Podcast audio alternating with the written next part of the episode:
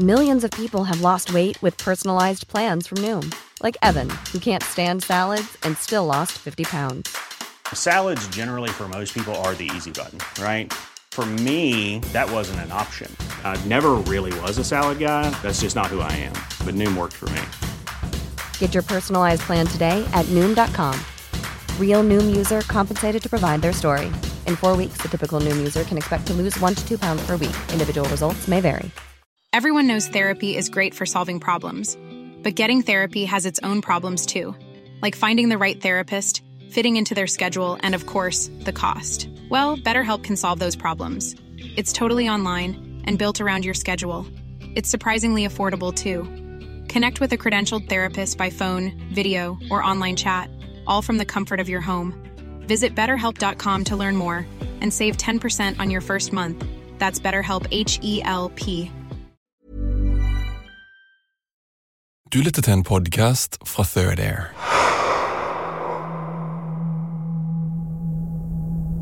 En fotograf retter kameraet mot det lett oppskrapa vinduet på det lille flyet han er på.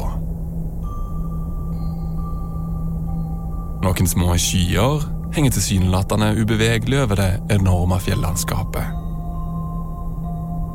Toppene er dekket av snø, og himmelen er så blå at det gjør vondt i øynene. Sola lyser opp landskapet så langt øya kan se. Det lille vinduet rammer inn et idyllisk, fredelig landskap. Men landskapet ser bare fredelig ut fra flere tusen meters høyde. Hindukush-fjellene under flyet har spilt en sentral rolle under krigen i Afghanistan de siste åra. Flyet er på vei fra Pakistan til Afghanistan, hvor krigen mellom Taliban og den USA-ledede koalisjonen raserer på sitt sjuende år.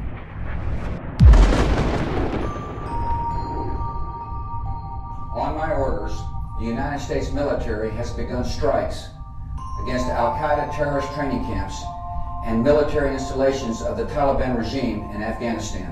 Every nation has a choice to make. In this conflict, there is no neutral ground.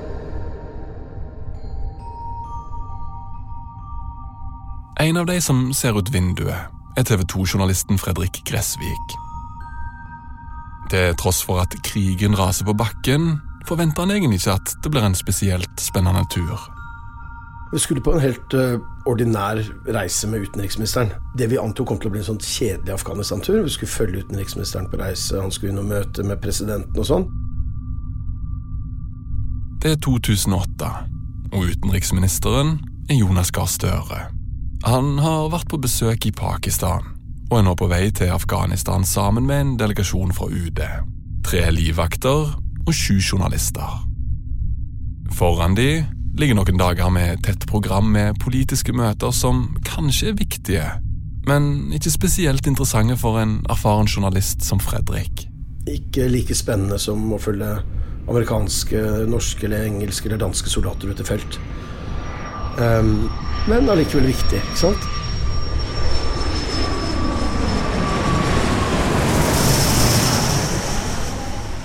Fredrik er altså ikke redd idet flyet sirkler over Kabul før det lander.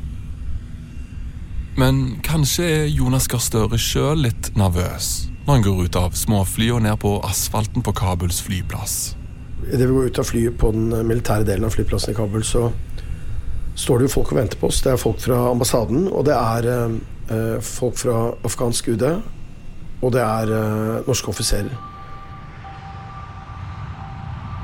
Og Støre hilser jo på de som står der. Han kom jo først ut. Vi fulgte etter ham, og han spør da en av offiserene om Er vi trygge her, sier han. Og offiseren svarer jo ja, her er dere trygge. Offiseren smiler når han svarer her er dere trygge. Men det er de ikke. Alle som er på flyet, vet at Kabul, hovedstaden i Afghanistan, er et utrygt sted. De vet at grunnen til at flyet sirkler i lufta før landingen, er for å gjøre det vanskelig å treffe det med en rakett. Det de ikke vet, er at svaret på Støre sitt spørsmål burde vært et klart nei. For om ikke lenge vil gruppa befinne seg midt i et terrorangrep. To nordmenn vil bli alvorlig skada, mens utenriksministeren må gjemme seg i et kjellerrom og forsvares av væpna vakter. Ingen i utenriksministerens følge vil være upåvirka av det som snart skal spille seg ut. En av de ender opp med å betale den høyeste prisen for å gjøre jobben sin. Og kroppen hans må fraktes hjem i ei kiste. Du lytter til en mørk historie, og dette er første av tre episoder i serien Siste nytt fra Serena hotell. Serien er produsert av Nora Brønseth og Rasmus Spitz.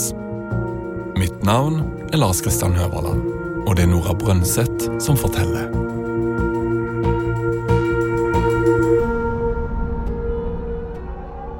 Et sted i Kabul kalles det inn til bønn.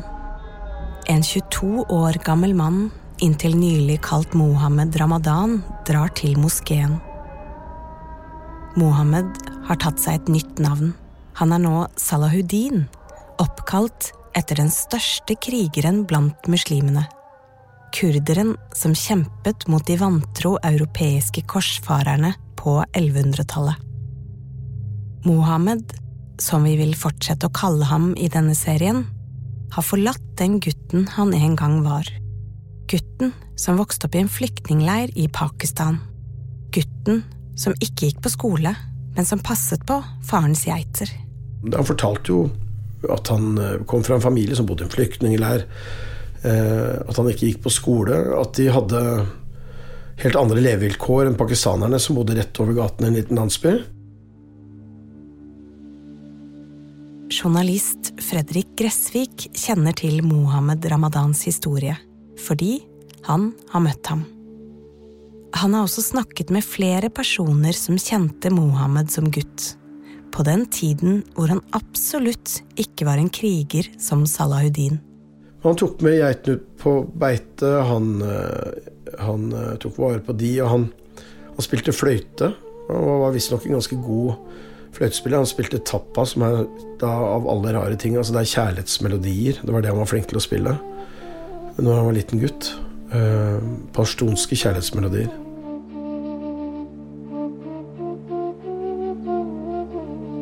Når Mohammed Ramadan går til moskeen denne dagen, tror han at dette skal bli siste gang han setter seg ned på kne blant andre menn for å lovprise Allah og profeten.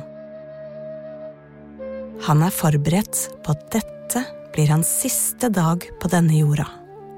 Og hvis alt går etter planen, vil det bli den siste dagen for mange andre også. Beltet med sprengstoff er satt sammen. Kalasjnikovens magasin er fylt opp. Politiuniformen er lagt fram.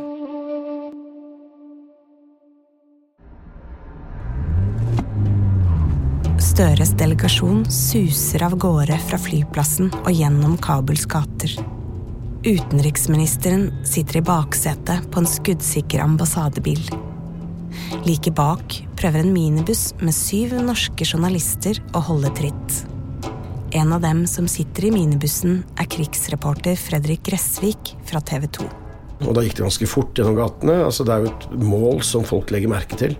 Akkurat som de andre journalistene er han kun beskyttet av minibussens frynsete gardiner. Eh, og spesielt de som har lyst til å utsette vestlige mål for eh, terror. Så det går fort gjennom gatene med blålys og, og sånne ting. Og rett til hotellet. Men mangelen på beskyttelse bekymrer egentlig ikke Fredrik. Det bekymrer heller ikke en av de andre som sitter i minibussen. Krigsfotografen Harald Henden. Han jobber i VG, og stort sett alle steder hvor det har vært krig og konflikt de siste tiårene, har Harald vært. Dette er en rutinetur for ham. Dette var jo ting vi var vant til å gjøre. Eh, den gangen så fulgte vi jo ministeren, kanskje særlig utenriksministeren, på flere turer eh, rundt om i verden enn eh, det vi gjør i dag. Og i Afghanistan så hadde jeg vært relativt hyppig i årene før denne reisen. Så for meg var ikke denne reisen noe spesiell, egentlig. Men ikke alle i pressekorpset er veteraner. En av deltakerne på turen er 24 år gamle Stian Solum, som er fotograf for Scanpics. Han har gledet seg til denne turen. Jeg tenkte at det var spennende, egentlig. Jeg var jo ganske ung da. Jeg jo rundt 24 år, så det, ja, da er jo alt eh, spennende. Og særlig når det gjelder sånne konflikter og sånn. Så, og nyutdanna fotojournalist, så da blir det man jo litt sånn trigga av sånne ting. Stian er på sin andre utenlandsreise. I motsetning til Harald og Fredrik, som lever av å rapportere fra krigsområder, har Stian sagt ja til å bli med på denne reisen fordi han jobber som frilanser, og stort sett sier ja til de oppdragene han blir spurt om å reise på. Han har ikke hatt noe sikkerhetskurs eller førstehjelpskurs i regi av jobben, men han har vært i Forsvaret og føler seg trygg på en slik reise. Kanskje spesielt fordi de er på tur med utenriksministeren. Jeg tenkte ikke over at eh, det kom bli eh, skummelt, den der. For det var litt mer sånn eh, Når Støre og utenriksministeren skal reise, så, så regner man med at sikkerheten er ganske godt ivaretatt. da. Og selv om Stian synes at kjøreturen fra flyplassen er litt ubehagelig, føler han seg trygg når han ankommer hotellet de skal bo på. Serena hotell.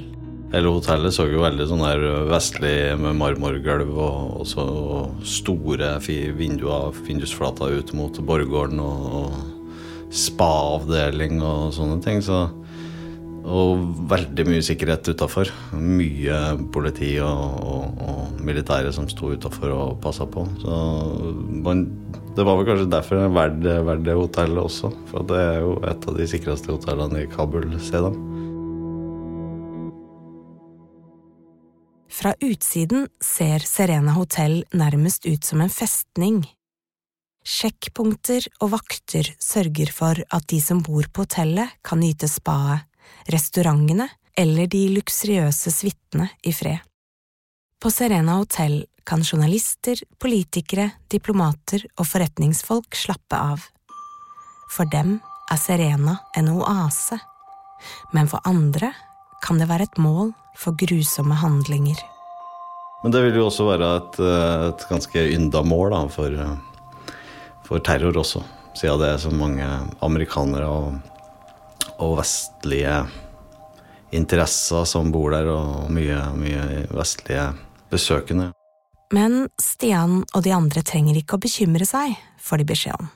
Eh, så kommer vi inn og går inn i resepsjonen, og, og, og vi, vi, får en liten sånn sikkerhetsbrif om at uh, her trenger man ikke å ha på seg skuddsikker vest og hjelm. Uh, hotellet skal være et av de tryggeste plassene på Kabul, blir det sagt. Og mannen som holder denne sikkerhetsbrifen, er UD-ansatt Bjørn Svennungsen. Han vet hva han snakker om for han har vært med på å planlegge slike reiser flere ganger før. Bjørn forteller litt om hotellet de bor på, om området, og at hvis journalistene velger å bevege seg ut på gaten, så er det på eget ansvar. Han fraråder dem å bevege seg utenfor hotellets murer. Men altså, dette er jo superproffe pressefolk som har vært i krigen eh, mange ganger før, så de, de, de har jo tatt sine forholdsregler på egen hånd. Og forhåndsregler har de tatt. De har alle med seg førstehjelpsutstyr, hjelm og skuddsikker vest. Men dette skal de ikke trenge å bruke inne på det trygge Serena hotell. UD-ansatt Bjørn har selv tatt av seg den skuddsikre vesten han hadde på seg tidligere på dagen. Jeg hadde hatt på meg en sånn skuddsikker vest, den tok jeg av meg, husker jeg, og, la igjen på rommet, fordi eh, hotellet var på en måte det trygge stedet, da. Det var, det var, det vi på en måte hadde blitt fortalt og ble forholdt oss til, var at inne på hotellet så var det trygt. På utsiden så måtte, var det en hel masse forholdsregler. Bjørn har allerede vært borte fra familien en ukes tid for å planlegge ministerbesøket. Det var uh, forberedelser av, av alt mulig rart. Jeg reiste over en uke nesten før utenriksministeren kom. Annet sammen med noen fra PST var der også livvakter. Så vi gikk opp liksom løypa på forhånd hvor vi skulle Eh, jeg så ut hvor det kunne være gode liksom, fotosteder, hvor det var mulig å få inn intervjuer i pauser i programmet og den type ting. Det Bjørn selvsagt ikke er klar over når han har samlet gruppen til denne orienteringen, er at han snart skal stå ovenfor en AK-47 på nært hold. Han vet ingenting om hvilken frykt han kommer til å kjenne på om noen timer når han nå midt i brifen blir avbrutt av ankomsten til den siste journalisten, Karsten Thomassen. Og eh, jeg husker godt at han kom inn i, inn i hotellet mens vi satt og hadde denne lille brifen, husker jeg. Karsten Thomassen rakk ikke å få plass på utenriksministerens charterfly, og har derfor reist til Kabul på egen hånd.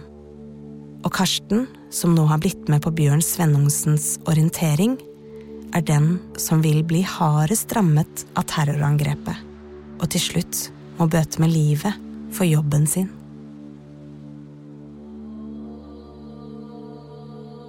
Mens journalistene går opp på hotellrommene sine for å sende bilder og artikler hjem til redaksjonene i Norge, eller bare slappe av, kalles de inn til bønn i moskeene utenfor for tredje gang denne dagen.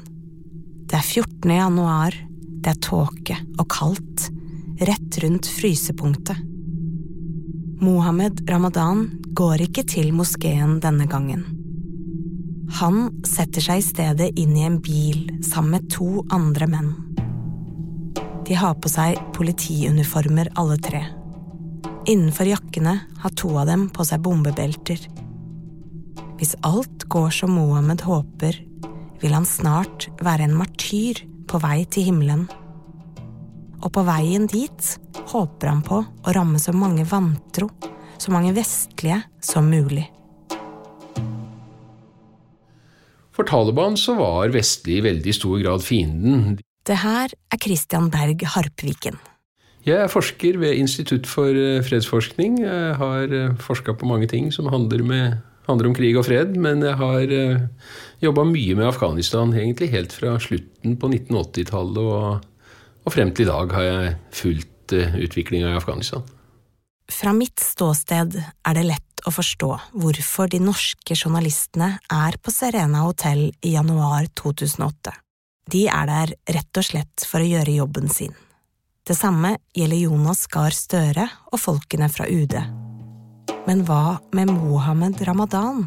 og de andre i bilen som nærmer seg hotellet. Hvem er de egentlig, og hvorfor vil de drepe så mange som mulig på Serena hotell? Skal vi prøve å forstå det, må vi først se på Talibans opprinnelse, og den vet Christian Berg Harpviken en del om. Han forteller at Taliban oppsto tidlig på 90-tallet, med mål om å gjenopprette lov og orden avvæpne krigsherrene som hadde herjet landet etter flere år med borgerkrig, og innføre et styre basert på islam.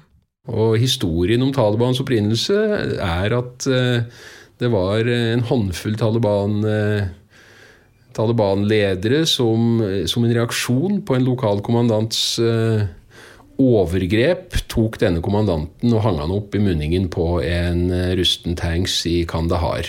Og overgrepene besto rett og slett i bortføring og seksuelle overgrep mot eh, tre kvinner. Og myten er sann, det er litt usikkert, men den gir mye mening til hva som var energien, hva som var kraften som gjorde at Taliban ble etablert. One size fits all seems like a good idea for clothes until you try them on. Same goes for healthcare. That's why United Healthcare offers flexible, budget friendly coverage for medical, vision, dental, and more. Learn more at uh1.com. It's that time of the year. Your vacation is coming up. You can already hear the beach waves, feel the warm breeze, relax, and think about work. You really, really want it all to work out while you're away. Monday.com gives you and the team that peace of mind. When all work is on one platform and everyone's in sync, things just flow wherever you are. Tap the banner to go to Monday.com. Everyone knows therapy is great for solving problems, but getting therapy has its own problems too, like finding the right therapist fitting into their schedule, and of course, the cost. Well, BetterHelp can solve those problems. It's totally online and built around your schedule. It's surprisingly affordable too. Connect with a credentialed therapist by phone, video, or online chat, all from the comfort of your home. Visit betterhelp.com to learn more and save 10% on your first month.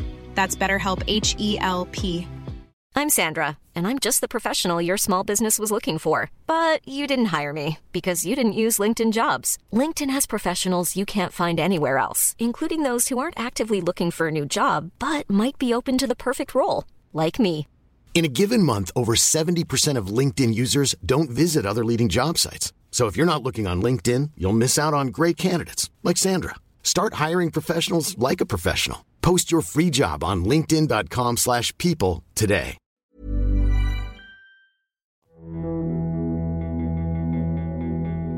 Det er ganske paradoksalt at Talibans skapelsesmyte handler om at Taliban oppsto som en reaksjon for å forsvare kvinner som ble utsatt for overgrep. Organisasjonen som senere i den vestlige verden nærmest har blitt synonymt med kvinneundertrykkelse. Men det er altså slik historien til Taliban sies å begynne. Og i 1996 klarte de å ta makten.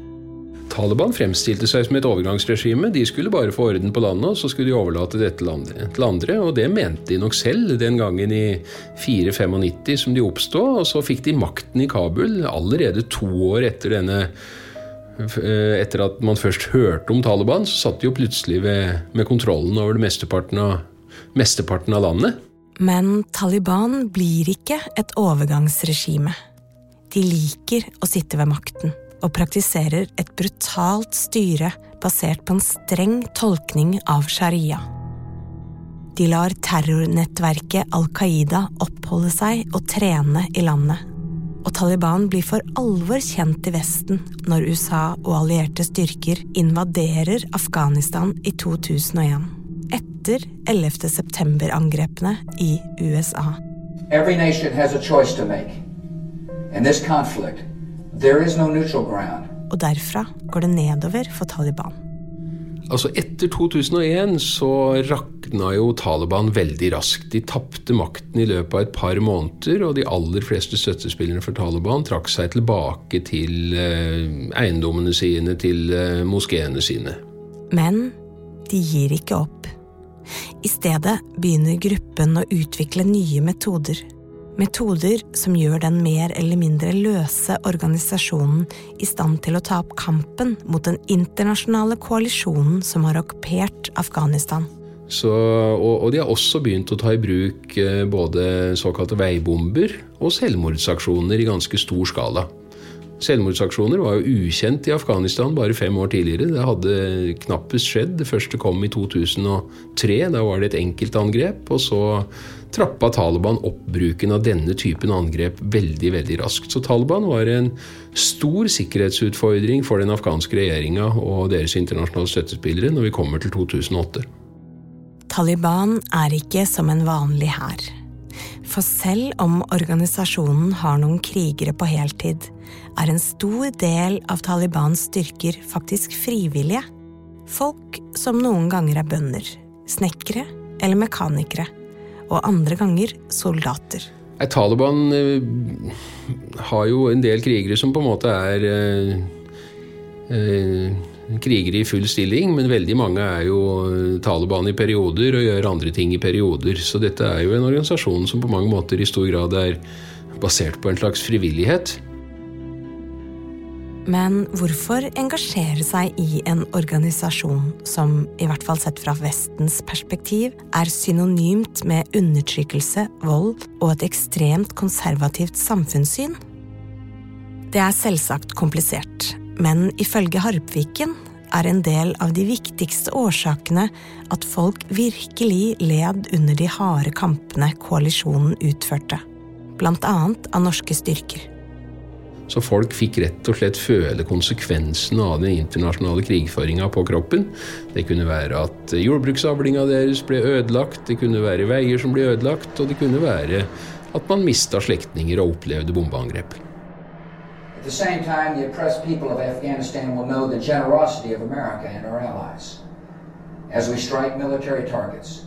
We will also drop food, medicine, and supplies to the starving and suffering Afghanistan. The United States of America is a friend to the Afghan people. Kanskje er det nettopp en slektning Mohammed Ramadan tenker på når han nærmer seg Serena hotell. Fetteren som han mistet da et bombefly fløy i lav høyde over nabohuset en natt han og fetteren lå og sov i onkelens hus. Et bombeangrep som kanskje ble utført av den USA-ledede koalisjonen, og som etter hvert førte til at Mohammed sluttet seg til Haqqani-nettverket, som er en avart av Taliban. I 2008 så mange på Haqqani-nettverket som en gruppe med betydelig grad av selvstendighet fra Taliban, men som var tett allierte. I dag gir det liten mening å skille mellom de to, ifølge Afghanistan-ekspert Harpviken. Mens Mohammed er på vei mot hotellets murer, befinner en annen ung mann seg inne på det fasjonable hotellet. Han kjenner ikke til lyden av bombefly som passerer i lav høyde om natten, verken fra oppveksten i Norge eller fra verdens krigssoner. Stian Solum aner heller ikke at Mohammed Ramadan eksisterer. Stian sitter på rommet sitt og kjeder seg. Så da tenker jeg at da tar jeg med meg kamera, og så går jeg ned og ser, for det er jo ikke noe mye annet som skjer. Det er jo kjedelig å sitte inne på et hotellrom der i ja, Um, og så går jeg ned, tar heisen ned, kommer ut i en gang. Der møter jeg Karsten uh, for første gang. Men Stian og Karsten er nok ikke de mest pratsomme menneskene på hotellet, så de utveksler ikke mange ord. Så vi er nok uh, litt sånn uh, beskjeden begge to, så det blir en sånn her hei. Det Stian ikke vet når han møter Karsten Thomassen, er at det har kommet trusler mot vestlige mål i Kabul. Trusler som utenriksministerens delegasjon er informert om, men som ikke blir videreformidlet til journalistene, fordi det er klassifisert som gradert informasjon. Selv om trusselen ikke er spesifikt rettet mot Serena hotell, er hotellet nettopp et åpenbart angrepsmål. Og trusler er ikke uvanlige. Det sier Afghanistan-ekspert Christian Berg Harpviken, som selv har bodd på Serena. Dette var jo på et tidspunkt da antallet trusler mot Serena var enormt. De fikk jo flerfoldige trusler per dag i denne perioden. Og de hadde nok fått nyss som kunne peke mot akkurat denne, dette angrepet òg. Men det var jo ikke så lett å skille ut i mengden av eh, trusler og varsler som kom, hva som var reelt og ikke.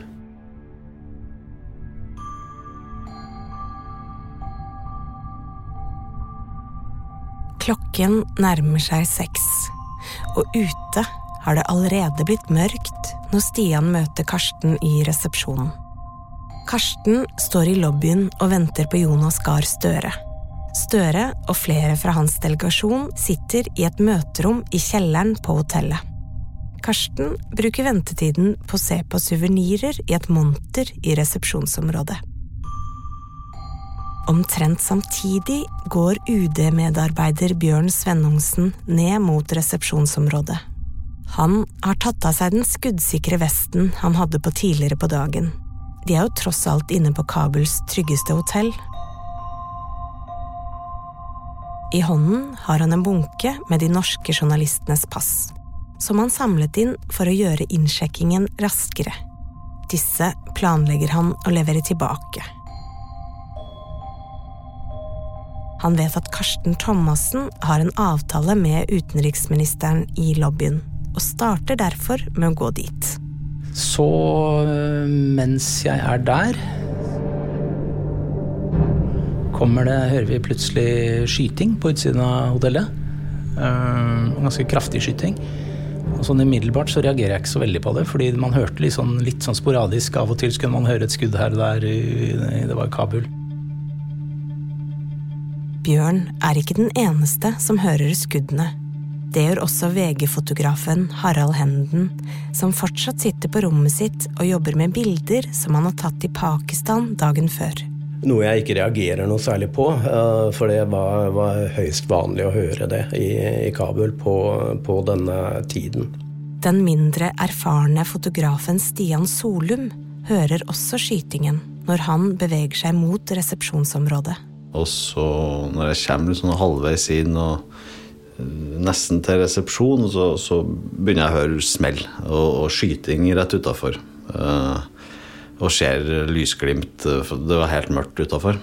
Men jeg ser litt sånn lysglimt og, og, litt sånn smell og litt sånn, og da tenker jeg at ok, nå nå kan det kanskje være greit å komme seg tilbake på rommet og finne igjen vest og hjelm, for at uh, her, her er jo ikke riktig. TV 2-reporter Fredrik Gressvik har nettopp blitt vekket av en telefon fra en kollega fra desken hjemme, som lurer på om han har noe å levere til dagens kveldssending. Og Idet jeg begynte samtalen med henne, så hører jeg at det ble skutt. Og det var såpass tydelig at hun sa fra Bergen til meg at uh, skyter de? Ikke sant? Jeg syns jeg hører skudd. Ja, de skyter noe voldsomt, sa jeg. Og så gikk jeg inn på naborommet til Åge, for det føles alltid bedre å være to. I hvert fall når man skal vurdere hva som skjer. Og da sto han i vinduet og så hva som skjedde, og hadde da tatt kamera og begynt å filme.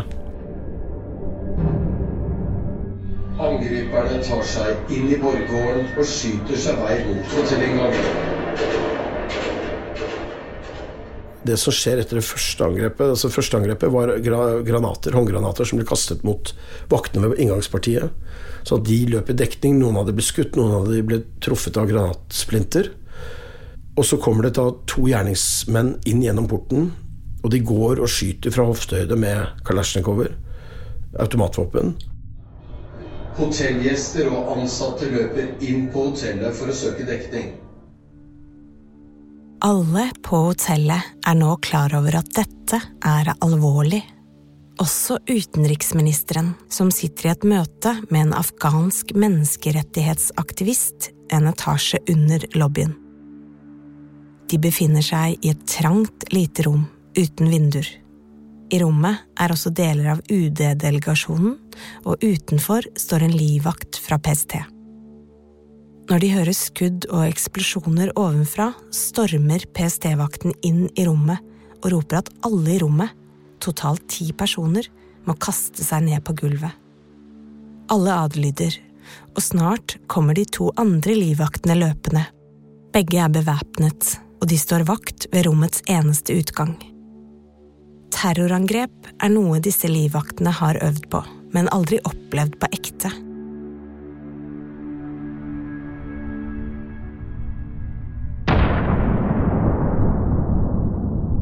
Og så kommer det en kjempekraftig eksplosjon, husker jeg. UD-ansatt Bjørn Svennungsen er ikke sammen med utenriksministeren.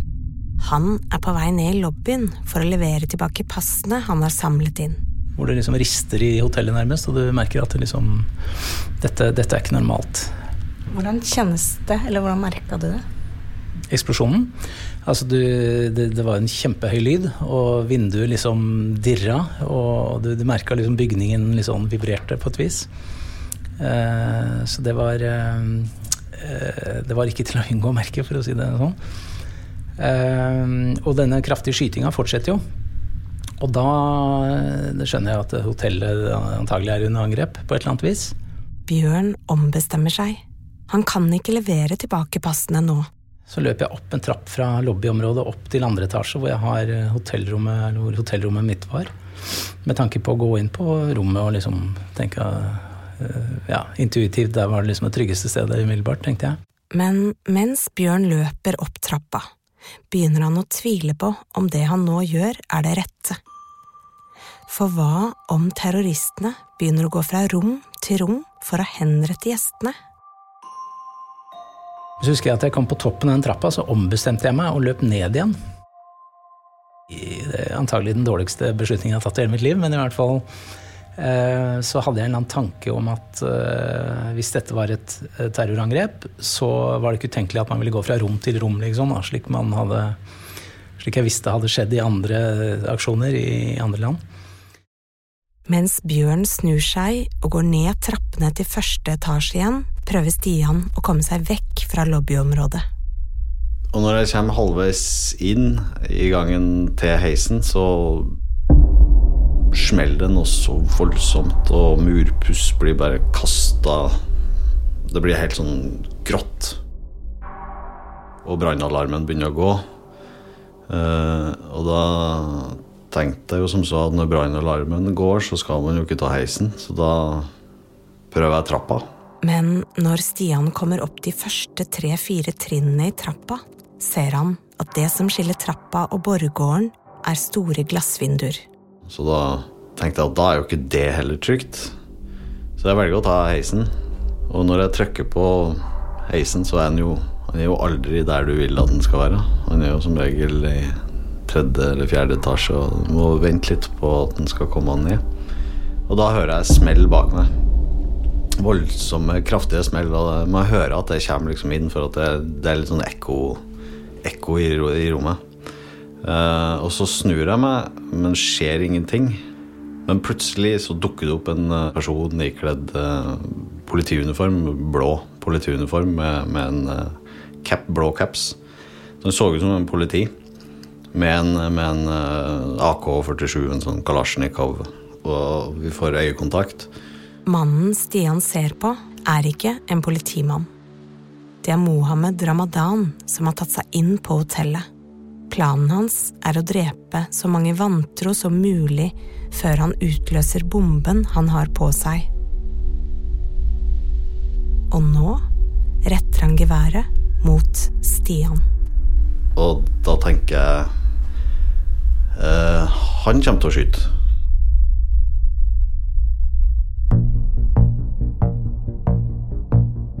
Du har hørt første episode av dokumentaren Siste nytt fra Serena hotell. En serie i tre deler. I neste episode det, det, var liksom aldri aktuelt, eh, så lenge dette var Karsten som lå der, å forlate han igjen i, i den tilstanden. Vi, vi, vi, hadde jo ingen oversikt over hva som hadde skjedd, og hvordan det så ut. Jeg gikk til resepsjonen, men der lå resepsjonisten. Han var skutt og død. Han lå på gulvet i en dame av blod. Ble lagt inn i dette sykehuset, og så er det en som prøver å legge en maske over ansiktet mitt. Og jeg prøver å vri meg unna og tenker sånn Nei, ikke faen. ikke sant? Jeg har en eller annen idé om at dette er, dette er Taliban. Og så vil jeg bare minne deg på at hvis du trykker 'følg oss' i podkastspilleren din, blir de neste episodene vi slipper automatisk lasta ned og ligger klar til deg. Og til deg som abonnerer på oss, du kan allerede høre hele serien nå.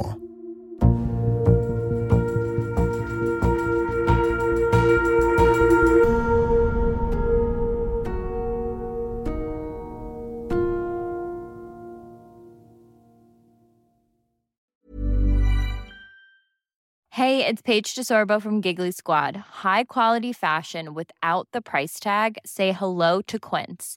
I'm snagging high-end essentials like cozy cashmere sweaters, sleek leather jackets, fine jewelry, and so much more. With Quince being 50 to 80% less than similar brands. And they partner with factories that prioritize safe, ethical, and responsible manufacturing. I love that. Luxury quality within reach. Go to quince.com slash style to get free shipping and 365 day returns on your next order. Quince.com slash style.